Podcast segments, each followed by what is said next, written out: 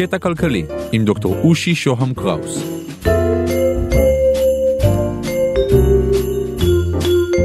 קטע כלכלי, פרק 52, מבוכת כל המבוכות. מכשירים פיננסיים, בתי השקעות, בורסות, אלקטרוניקה, מסכי מחשב, הכל נוצץ מהיר ונקי. אבל לא, לא הכל היה חדש כל כך תמיד. אמנם אופציות וחוזים עתידיים נחשבים ביחד עם היגוחים ומכשירים נוספים שלמדנו להכיר כסופר מודרניים, אבל המציאות שונה. מתברר שאין חדש תחת השמש. ואת המקור לדברים האלה ניתן למצוא כבר באמסטרדם במאה ה-17. יוסף דה לה יהודי ממוצא פורטוגלי, היה סוחר בבורסה של אמסטרדם, ובספרו Confusión de confusiones, בתקווה שאני מבטא את הלטינית נכון, המדריך הראשון לבורסה, הוא מספר לנו על ספקולציה, מסחר ומכשירים פיננסיים חדשניים.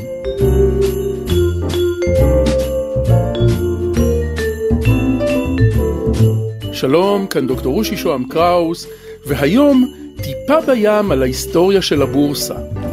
מה שטוב בבורסה זה שאתה יכול להתעשר שם בלי סיכונים ובלי לחשוף את ההון שלך לסערות שיש בים המסחר הרגיל.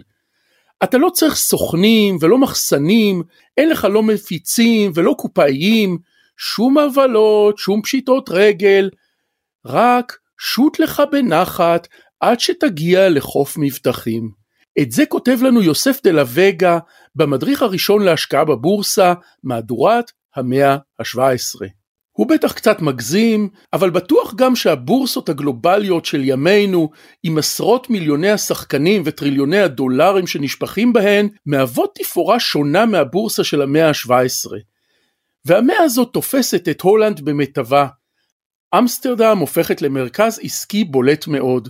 ההולנדים יעילים מאוד, יש להם עסקי טקסטיל מלבלבים והם בונים אוניות מצוינות. הבורסה של אמסטרדם נפתחת ב-1631 ומאפשרת גל חדש של שגשוג, מסחר גובר, השקעות וכמובן ספקולציות. חברת הודו המערבית ההולנדית נסחרת אך ורק בבורסה של אמסטרדם והיא אחראית בזמנה למסחר הבינלאומי ברוב ארצות אירופה.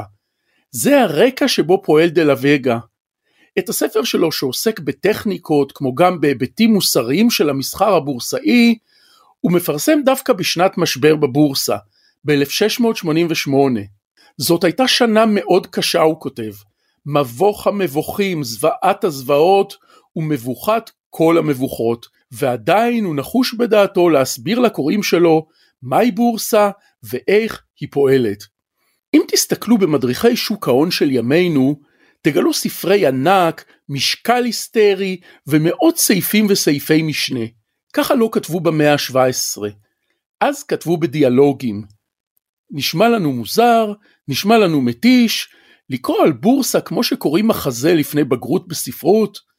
ובכן, את כל מה שהיה לו להגיד אפלטון אמר בדיאלוגים.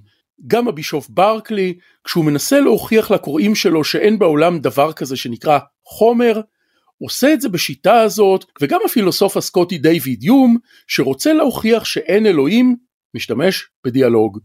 שיטה מעולה. הגיבור שלך מייצג בדיאלוג את הדעה שלך. בעלי השיח שלו, שגם אותם אתה כותב, מתנגדים ומשתמשים בנימוקים שעליהם אתה חשבת מראש, ומיד תסתור אותם בעזרת בן דמותך, גיבור הדיאלוג. גם דלווגה עובד ככה. הוא מפגיש פילוסוף, סוחר לא בורסאי וסוחר בורסה, והם לומדים על היבטים רבים של המסחר הבורסאי. הם אפילו מתפתים לסחור בבורסה בעצמם, אם כי לא בהצלחה רבה. הם קונים מניות בערך מנופח פי עשרה ונופלים חזק. אז מי הם השחקנים שמאיישים את הבורסה האמיתית במאה ה-17? דלווגה מספר לקוראים שלו על נסיכים, סוחרים ומהמרים.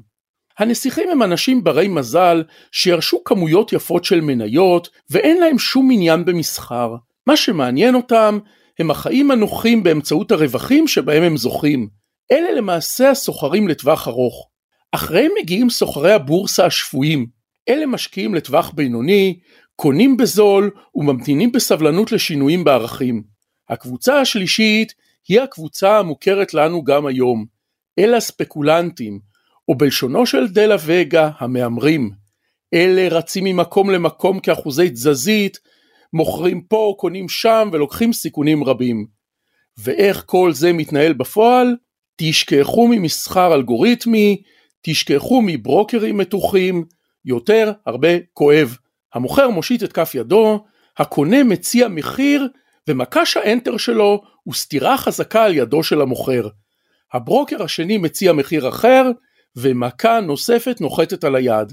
וככה עוד הצעה ועוד מכה ועוד אופציה למציע הקודם להכות ושוב ושוב ושוב והיד מאדימה והאווירה מתלהטת, קללות, עלבונות, צעקות עד שנחתמת העסקה. כל זה בתקווה, דלה וגה כותב, שהקונה והמוכר לא הולכים לחטוף את הסתירה של החיים שלהם מיד הגורל. ולסיום, אנחנו חיים בעולם של אופציות על מדדים, חוזים עתידיים וכולי וכולי, אבל אנחנו לא המצאנו גם כאן את הגלגל. מסתבר שלא.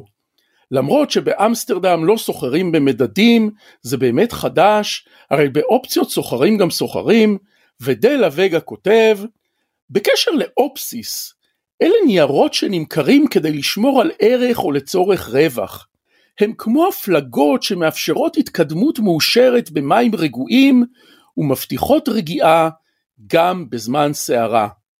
לא נתרגם את הכל, כי בעצם מה שדלה וגה מדגים לנו באמצעות דוגמה מספרית הוא בדיוק מהי אופציה. והאופציה שלו בנויה ממש על אותו עיקרון של האופציות של ימינו. אז אולי באמת לא אנחנו המצאנו את הכל. עד כאן על קצה המזלג, ניפגש בפרק הבא. אני מרצה ומייעץ בתחומי הפודקאסטים, תוכלו לשלוח לי וואטסאפ ל-050-8898322 או לקרוא לי באושי את אושי.co.il תודה לקווין מקלוד על המוזיקה, תודה לרון טוביה עורך הפודקאסטים של גלובס, להתראות.